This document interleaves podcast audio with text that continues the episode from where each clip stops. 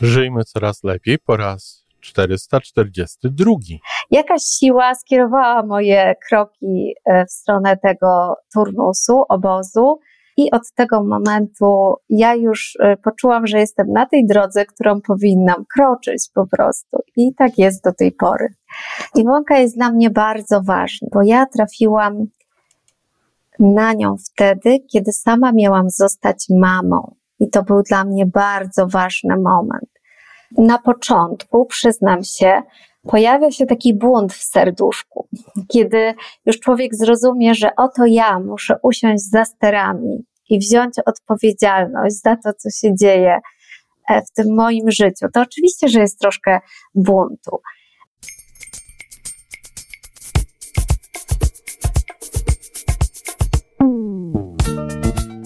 Witamy w kolejnym odcinku podcastu Żyjmy Coraz Lepiej, tworzonego przez Iwonę Majewską Opiełkę i Tomka Kniata. Podcastu z dobrymi intencjami i pozytywną energią, ale także z rzetelną wiedzą i olbrzymim doświadczeniem we wspieraniu rozwoju osobistego. Chodzi nam o to, aby ludziom żyło się coraz lepiej, aby byli coraz bardziej spełnieni, radośni i szczęśliwi. A że sposobów na spełnione życie jest tyle, ile nas, więc każdy musi znaleźć ten swój. Y, Ewo, Ewa Pancer-Głowacka jest dzisiaj moją rozmówczynią, rozmówcą, gościem. Ewa zawodu jest pedagogiem i z tego, co widzę i słyszę, to jest też twoja pasja. Czy tak? tak? Dobrze to tak, wyczułem. Pedagogika i psychologia naprawdę y, są moją pasją, y, chociaż nie zawsze tak było. To właśnie znaczy, nie, nie zawsze, jak to nie było? Zawsze, nie zawsze o tym wiedziałam. To znaczy, ym, sprawia, sprawa przedstawia się tak, że ja przez całe swoje liceum przygotowywałam się na studia prawnicze, ponieważ miałam taką e, zdolność słowa, pisania i wszyscy nauczyciele kierowali mnie w tym kierunku, tak jakby prawnik, prawo, prawnik, prawo. I ja faktycznie całe liceum skrupulatnie przygotowywałam się do egzaminu na studia prawnicze. Dostałam się na te studia, po czym pojechałam jako wolontariusz na obóz z dziećmi niepełnosprawnymi. E, był, było to wypłynięcie na bardzo szerokie wody, bo nie byłam gotowa na to doświadczenie. To znaczy, w swoim zachwycie i takiej naiwności powiedziałam: tak, oczywiście, pojadę jako wolontariusz, zrobię coś dobrego. I jak już dotarłam e, na turnus rehabilitacyjny, gdzie miałam być wolontariuszem, przez pierwsze dwa dni wieczorami płakałam, ponieważ z ilość e, emocji, których tam doświadczałam i e, też różnych doświadczeń była bardzo duża. Ewo, Natomiast... Ewo, Ewo, przepraszam, że ci wejdę w słowo.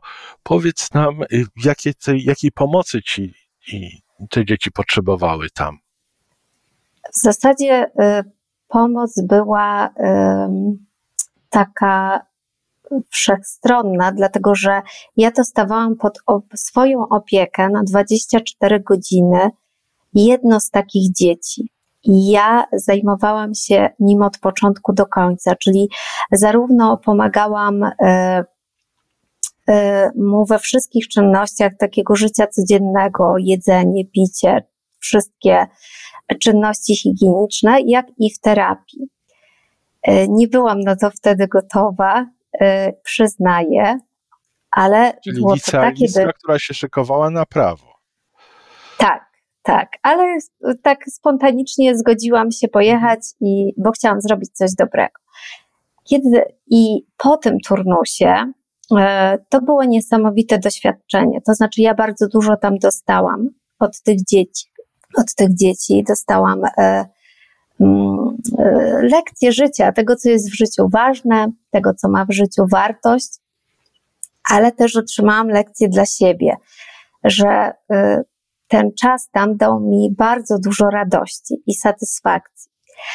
I kiedy wróciłam z tego turnusu. Mimo tych łez na początku. Tak, mimo tych łez, bo jak już wyjeżdżałam, to już płakałam e, z takiej, e, z takiej nostalgii i tęsknoty, że to już się kończy i kiedy ja tam wrócę. I kiedy wróciłam, e, został mi jeszcze miesiąc do podjęcia studiów. Ja bardzo dużo wtedy myślałam, myślałam, myślałam. I w końcu poszłam z taką decyzją serca do moich rodziców, że oto ja, ja naprawdę nie chcę być tym prawnikiem.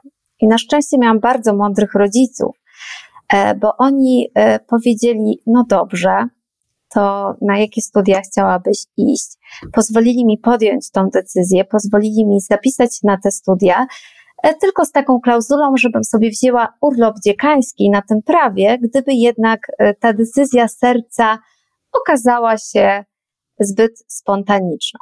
Więc ja dostałam urlop dziekański na prawie, podjęłam studia y, pedagogiczne i już nigdy na to prawo nie wróciłam, ponieważ y, to była y, moja droga, ta pedagogika i psychologia. I naprawdę ja nie było ani jednego dnia, kiedy żałowałabym tej decyzji. Po prostu to było e, przeznaczenie, nie wiem, ale e, e, e, jakaś siła skierowała moje kroki w stronę tego turnusu, obozu. I od tego momentu ja już poczułam, że jestem na tej drodze, którą powinnam kroczyć po prostu. I tak jest do tej pory. A Ewo, wiesz, z tego co opowiadasz, i słyszę po raz pierwszy, ale dla mnie to taki był milowy krok na drodze rozwoju wewnętrznego, rozwoju osobistego. Oj tak, to był niesamowity moment dla mnie, ponieważ do tego momentu um, ja nie słuchałam głosu serca, tylko starałam się Pójdź za głosem podejmować dorosłych. Tak, rozsądnych dorosłych, ponieważ rozsądni dorośli najczęściej wiedzą, e, co w cudzysłowie opłaca się w życiu robić, e, co jest dla nas dobre.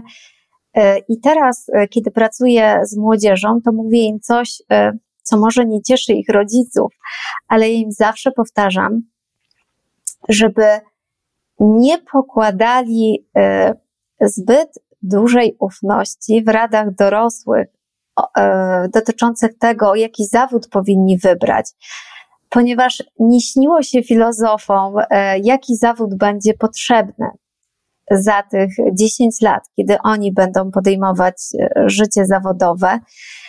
I na pewno to, co jest najważniejsze, to to, żeby tą drogę, którą wybierali, żeby była zgodna z ich e, sercem. A wtedy tak naprawdę sukces można odnieść e, w każdej dziedzinie życia zawodowego. Mm, w pracy się też spędza bardzo dużo czasu, więc dobrze jest ją lubić po prostu. I tak, czyli, tak. czyli skoro dotykasz już pracy i powiedziałaś nam o tamtym skoku milowym jakiś czas temu, to powiedz naszym słuchaczom, gdzie jesteś teraz? E, zawodowo. Pracuję w szkole. Tak, zawodowo e, pracuję w szkole jako psycholog i bardzo lubię to zajęcie, naprawdę. Jaka to jest Uwielbiam. szkoła, proszę? To jest szkoła podstawowa. Y, pracuję z dziećmi od klasy pierwszej do klasy ósmej. Lubię wszystkie roczniki, bo każdy y, ma coś innego do zaoferowania. E, nam dorosłym. Bardzo lubię te spotkania. Czuję, że e, te spotkania ubogacają mnie i mam nadzieję, że też e, spotkania dzieci ze mną w jakiś sposób ubogacają ich. Przynajmniej bardzo się staram, żeby tak było. Także mm, tak, pracuję w szkole jako psycholog i bardzo to lubię. Czyli trafiają pod Twoje skrzydło czy, czy na krzesło przed tobą, dzieci, z którymi po prostu ktoś myśli, że są problemy. Czy, czy tak? Tak. Y, trafiają do mnie dzieci, o których ktoś myśli, że są z nimi problemy. Trafiają też do mnie dzieci, które same czują, że sobie z czymś nie radzą i potrzebują wsparcia. Też tak się zdarza. Czyli przychodzą dzieci na ochotnika do ciebie też. Też, też. Te najczęściej już są przeprowadzane przez kolegów, którzy gdzieś tam e, po doświadczeniu spotkań ze mną e, przestają uważać gabinet psychologa za obciach, bo na początku to, to troszkę jest obciach chodzić do pani psycholog. I, I właśnie trafiają do mnie z, z, z polecenia, polecenia. swoich kolegów. Z rekomendacji. Tak. Tak. Taka, taki marketing szeptany mam w szkole, że jak już, e, jak już uda się e, po prostu z kimś nawiązać relacje i mu pomóc, to przyprowadzę do mnie później e, kolejnych uczniów ze swojej klasy. I to jest bardzo piękne dla mnie i taka satysfakcjonująca chwila w mojej pracy, naprawdę. Ewo, a powiedz proszę, gdzie na tej całej drodze między tamtym obozem, a tym miejscem, gdzie jesteś, y, trafiłaś na logodydaktykę i Iwonę. Ach, Iwonka. O, jaki uśmiech od razu. Tak, Iwonka jest dla mnie bardzo ważna, e, bo ja trafiłam na nią wtedy, kiedy sama miałam zostać mamą. I to był dla mnie bardzo ważny moment. Bardzo ważny, bo e, ja e, chciałam być mamą. Y, świadomie zdecydowałam się na macierzyństwo, ale też chciałam być y, taką dobrą mamą, najlepszą mamą, tak, na świecie dla swojego dziecka.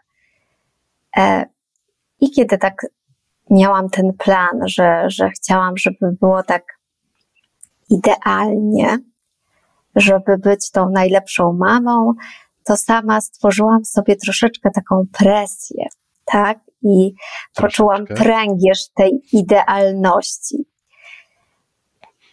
I kiedy poczułam pręgierz idealności, to też zrozumiałam, że żeby być tą dobrą mamą, to muszę sobie odpuścić. Muszę najpierw odpuścić sobie i wtedy y, z, z łatwością odpuszczę własnemu dziecku i pozwolę mu na kroczenie swobodnie tą drogą życia. Wtedy trafiłam na książkę Iwony, Wychowanie do szczęścia. Ta książka mnie zachwyciła, bo Iwona jest w niej bardzo prawdziwa. Ona tam niczego lukrem i cukrem pudrem nie posypuje. I to jest piękna książka. Ta prawda, którą w niej zobaczyłam, była dla mnie tak niesamowita, że od razu googlowałam kolejne tytuły tej autorki. I tak oto y, przeczytałam kolejne książki Iwonki, trafiłam do niej na kurs Droga do i do tej pory lubię y, podglądać to, co robi, czytać to, co pisze, słuchać tego, co mówi, bo zawsze odkrywam tam coś nowego dla siebie. To jest niesamowite pomimo, całego Twojego przygotowania profesjonalnego jako pedagog i jako psycholog, to tutaj mówisz, że są odkrycia kolejne. Tak, są odkrycia. E, I to są ważne, e, ważne odkrycia, bo e, przez Iwonę mówi prawda. Ja bym to tak powiedziała, taka spójność wewnętrzna.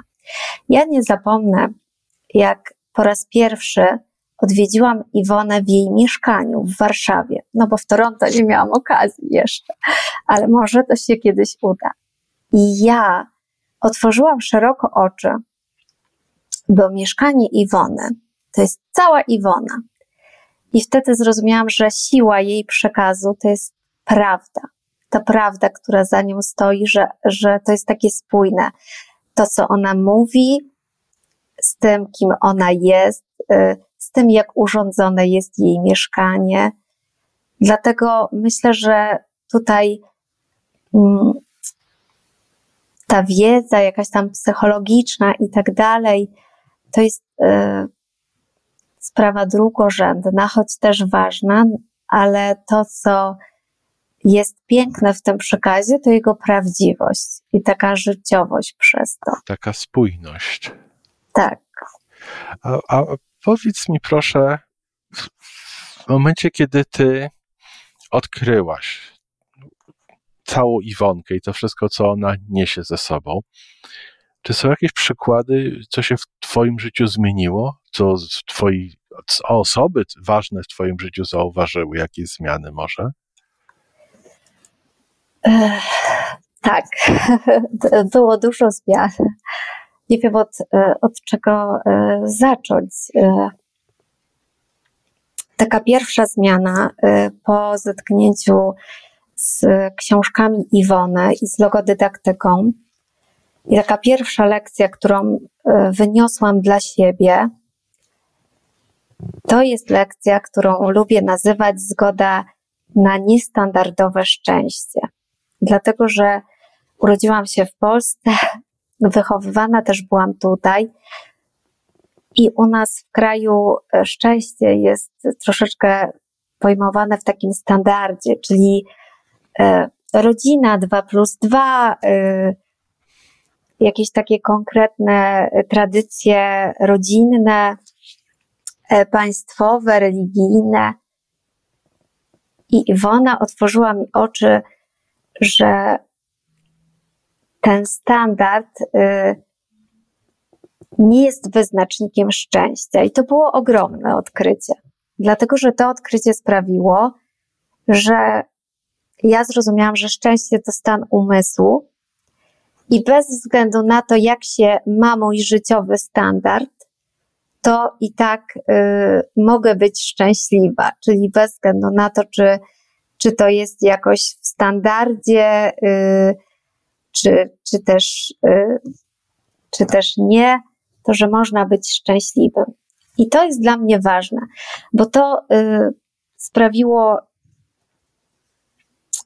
jak ja patrzę na swoje życie, ale też y, sprawiło, że mm, przestałam oceniać innych. Po prostu wyzwoliłam się od oceny. Dlatego, że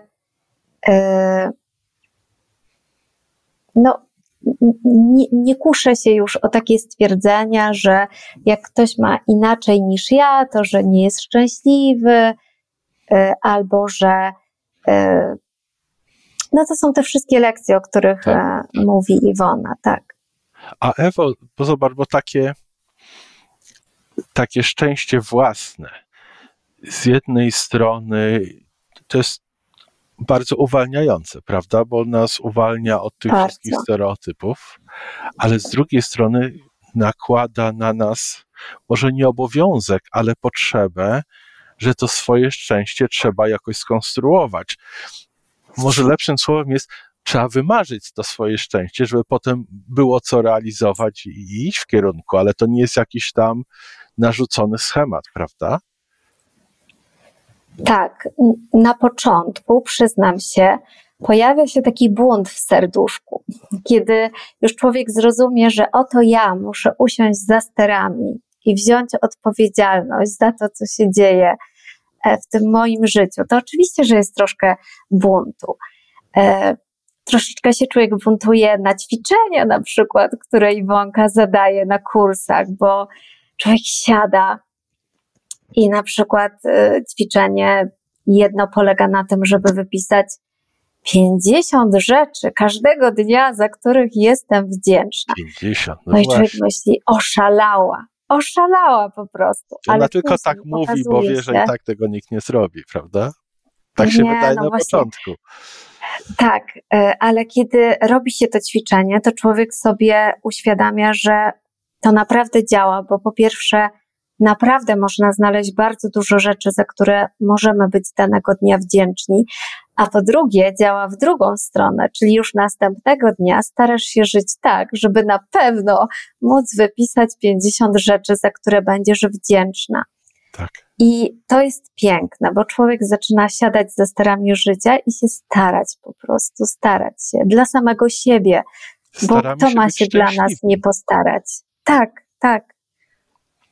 W zasadzie, kto ma się dla nas postarać o szczęście w życiu, jak nie my sami? Także to jest. Ewa, ale czy to tak nie jest też, bo w pewnym momencie mówiłaś o, o swoim świadomym macierzyństwie. I teraz, mhm. jak mówisz, że kto ma się postarać o nasze szczęście, jak nie my sami, ale czy to też nie wpłynęło na Twój model wychowywania? Że ty, czy nie jest tak? Ja zupełnie w ciemno pytam, bo nie wiem, Czy nie jest tak, że ty nie czujesz się odpowiedzialna za szczęście swojej córki, ale czujesz się odpowiedzialna za to, żeby ona sama to szczęście wymarzyła i znalazła? Tak, y, jest tak. To znaczy tak, troszeczkę czuję się odpowiedzialna za jej szczęście w takim kontekście, że y, uważam, że moim takim obowiązkiem jest stworzyć bezpieczny, taki spokojny dom, taką spokojną tak. przystań. I, i, te, i, i czuję, że, że tak, że, że jakby to jest moja rola. I nawet mój obowiązek, żeby ten dom był bezpieczny, spokojny, żeby ona mogła się realizować. Natomiast na pewno też y, mam takie poczucie, że moja córka będzie szczęśliwa wtedy, kiedy ja będę szczęśliwa i pokażę jej sobą, w jaki sposób można to szczęście budować. Bo szczęścia nie można dostać w prezencie, tak? No bardzo by było fajnie. Jakby to tak można było dostać jak kinder niespodziankę, proszę, ja mam, przekazuję ci dalej. Ale y, trzeba po prostu je samemu zbudować w swoim życiu. Żeby je zbudować, to trzeba wziąć odpowiedzialność za siebie, usiąść za sterami, przestać obwiniać mamę, tatę, babcię, szefa, ciocię, wujka za to, że nie jesteśmy szczęśliwi i y, trzeba po prostu wziąć odpowiedzialność za swoje szczęście. Więc to, co ja staram się zrobić, to pokazuję, idzie, w jaki sposób ja biorę odpowiedzialność y, za swoje szczęście. I mam nadzieję tylko, że ona podglądając to, uczy się robić to samodzielnie. To są takie proste rzeczy, choćby dzisiaj, na przykład wstaliśmy, był poniedziałek. Y, ten poniedziałek miał być pełen obowiązków dla każdego z nas. I można było zacząć ten dzień od marudzenia, ale można było też zacząć tak, że y, można było wstać troszeczkę wcześniej, przygotować fajne śniadanie dla wszystkich, włączyć muzykę, która sprawia, że wszystkim nam się robi lżej na duszy i jakoś e, przejąć ten rytm dnia, nie pozwolić, żeby on nas przejął, tylko, tylko przejąć go i, i, i posterować sobą w tym dniu, tak żeby odnajdować takie dobre momenty. Także tak, staram się to pokazać, idzie y, sobą, dbając o swoje szczęście. Pięknie, wiesz Ewa, no, ja do swojej listy rzeczy, za które jestem wdzięczny dzisiaj, dopisuję tę rozmowę. Oj, dziękuję, ale, ale to, to po prostu y, to Iwonki zasługa. E, tak, po, naprawdę. E, czuję, że bardzo dużo jej zawdzięczam i, i chcę tutaj podziękować jej za to, bo e, bardzo ważna dla mnie to jest postać i ważne spotkanie. To ja pięknie dziękuję. Świetnie mi się rozmawiało. I co? Do usłyszenia, Ewo. Do usłyszenia. Dzień dobry, kochani. Wysłuchaliśmy rozmowy Tomka z Ewą Pancer-Głowacką. No, oczywiście dostałam to, czego się spodziewałam, czyli e, ciepłą, miłą rozmowę owianą taką mgiełką, powiedziałabym ciepełka, czy może lepiej e, pozostawającą w chmurce miłości, bo ja tak postrzegam Ewę. Ewa to jest dla mnie taka osoba, która tak się porusza, działa i robi różne rzeczy w takiej chmurce miłości. To wszystko jest gdzieś dookoła niej i oczywiście w związku z tym no, rozprzestrzenia się y, na inne osoby i na inne rzeczy. Myślę również, które są w jej zasięgu bardzo, bardzo to lubię i widzę to wszędzie. Widzę to na jej zdjęciach, które umieszcza na Instagramie czy Facebooku, w tym, co mówi, w tym, co pisze.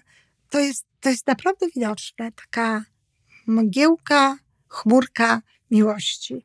A odnieść się chcę do trzech rzeczy. Po pierwsze, do, do tego, co Ewa powiedziała o posłuchaniu swojego serca, pójściem za, głosa, za głosem swojego serca. To piękne. Wspaniałe jest to, że rodzice również no, słuchali swojej córki, bo niestety nie wszyscy rodzice chcą tego słuchać. Niestety y, czasami rodzicom marzą się jakieś e, zawody dzieci, czy jakieś pozycje. No, oczywiście chcą jak najlepiej, natomiast niekoniecznie rozumieją, zresztą nie wszyscy w ogóle rozumieją, że najważniejszą sprawą w życiu to jest robienie tego również w wymiarze zawodowym. To jest robienie tego, co jest zgodne z nami, z nami, z naszym sercem, z naszym środkiem. I to jest właśnie to, na co chciałam zwrócić szczególną uwagę, e, że warto słuchać swojego serca. Wtedy na pewno będzie się wykonywać to, co się, co przyjdzie wykonywać w związku z danym zawodem nie tylko lepiej, no bo to jest oczywiste, że jeżeli ktoś robi coś, co, co jest zgodne z jego sercem, to będzie w tym lepsze, ale również będziemy z tego powodu po prostu szczęśliwsi. Więc słuchajmy serca, to jest pierwsza sprawa. Druga sprawa, do której chcę się odnieść, to również to, że e, to akurat nie do e, Tomka, e, mm, nie do Ewy, tylko do Tomka. Tomek bardzo był zdziwiony tym, dawał się być zdziwiony tym, że Ewa sporo ode mnie dostała, chociaż też jest psychologiem. No cóż, to jest tak, że psychologia to nie jest tak jak matematyka, gdzie pewne rzeczy są ustalone i wiadomo, że wszyscy znają je tak samo. A nawet jeśli nie są ustalone, to wyprowadzając jeden wzór z drugiego i tak dalej, dochodzi się do podobnych rzeczy. Psychologia zależy od tego, kto o jaki nurt się e, w ogóle otarł, czy ocierał przez różne lata, w jaki sposób był kształcony, w jaki sposób był kształtowany, co obecnie czyta, co do niego przemawia i tak dalej, i tak dalej. I psycholog psychologowi może coś e, podpowiedzieć. Mnie się zdarzało prowadzić zajęcia na psychologii i dla, robiłam je dla doktorów psychologii, którzy chcieli, aby ich studenci mogli usłyszeć e, coś ode mnie. I właśnie z tego powodu, że reprezentowałam nieco inny w tamtym momencie model. Ja chciałam zwrócić uwagę, Waszą kochani, że w czasach, kiedy ja już pracowałam w zgodzie z tym, o czym my tutaj mówimy, to nie było jeszcze psychologii pozytywnej. Nie istniała jeszcze taka taka nauka. Tak naprawdę przecież psychologia powstała w 1989 roku, a na, na dobrą sprawę ja już w tym czasie zaczynałam pracować wtedy jeszcze sama nad sobą. No ale zaczynałam już robić te rzeczy, które e, zaowocowały w konsekwencji tym, co jest teraz. I mnóstwo z tego, co ja potem przez następne lata robiłam, czy wielu innych, czy psychologów, czy nie psychologów z ruchu rozwoju potencjału człowieka, to dopiero teraz, w latach 90., w latach nawet już 2000, psychologia pozytywna dokumentuje, potwierdza, powoduje, że to się staje no, już teraz naukowe. Bo tak niestety jest, że ciągle się uważa, że dopóki psychologia akademicka nie stwierdzi, że jest tak czy inaczej, no to te rzeczy są niejako nienaukowe. Dlatego y, często tak jest, że psycholog psychologowi może bardzo dużo wnieść, może bardzo dużo y, pokazać, może otworzyć go na inny punkt widzenia. I trzecia rzecz, jak, do jakiej chcę się odnieść, to jest to, mm, kiedy Ewnia mówiła o pręgierzu idealności. E, tak ja pamiętam, ona bardzo, bardzo taka chciała być doskonała, e, ale to jest bardzo dobry punkt wyjścia. To jest, przecież byłoby dziwnie, gdybyśmy tak sobie zakładali, że my, a to będziemy tacy sobie nijacy. Tacy sobie będziemy, do jakiegoś tam poziomu dojdziemy i już. Ja myślę, że, że to warto, żeby człowiek dążył do ideału. Ja myślę, że warto, żeby człowiek dążył do jakiegoś modelu, do jakiegoś wzoru. Nie, my, nie mylmy tego z perfekcjonizmem. Perfekcjonizm do, dotyczy wykonywania pewnych rzeczy, a tutaj chodzi o działanie, o wnoszenie do niego, no właśnie, jakiejś a, energii, no więc wnośmy ją najlepszą, najlepszą, jaką, jaką możemy wnosić. I mnie się wydaje, że, że życie takie prawdziwe to, to ma coś wspólnego e, z ideałem i z dążeniem do ideału. E, natomiast tak, bardzo dobrze, fantastycznie, że w jakimś momencie Ewa doszła do wniosku, że nie może mieć tego pręgierza idealności. I tak, pręgierza idealności nie, nie możemy mieć i nie jest nam potrzebne. Ale dążenie do ideału, dążenie do gwiazd, dążenie do czegoś najlepszego, co, co mogę stworzyć, dlaczego nie?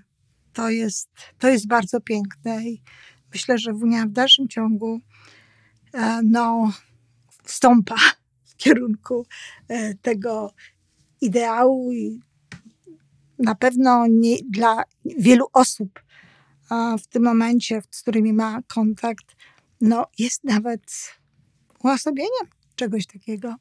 Dziękuję, Wuniu, że jesteś. Dziękuję Wam, kochani, za tę rozmowę. I to wszystko na dzisiaj.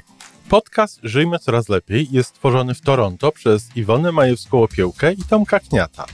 Sześć razy w tygodniu przygotowujemy dla Was nowy, ciekawy odcinek. Jeżeli lubisz nas słuchać, to prosimy o reakcję. Polub nas, skomentuj, tak jakbyśmy sobie po prostu rozmawiali. Zapraszamy do darmowej subskrypcji. Jesteśmy dostępni na każdej platformie, gdzie można słuchać podcastów.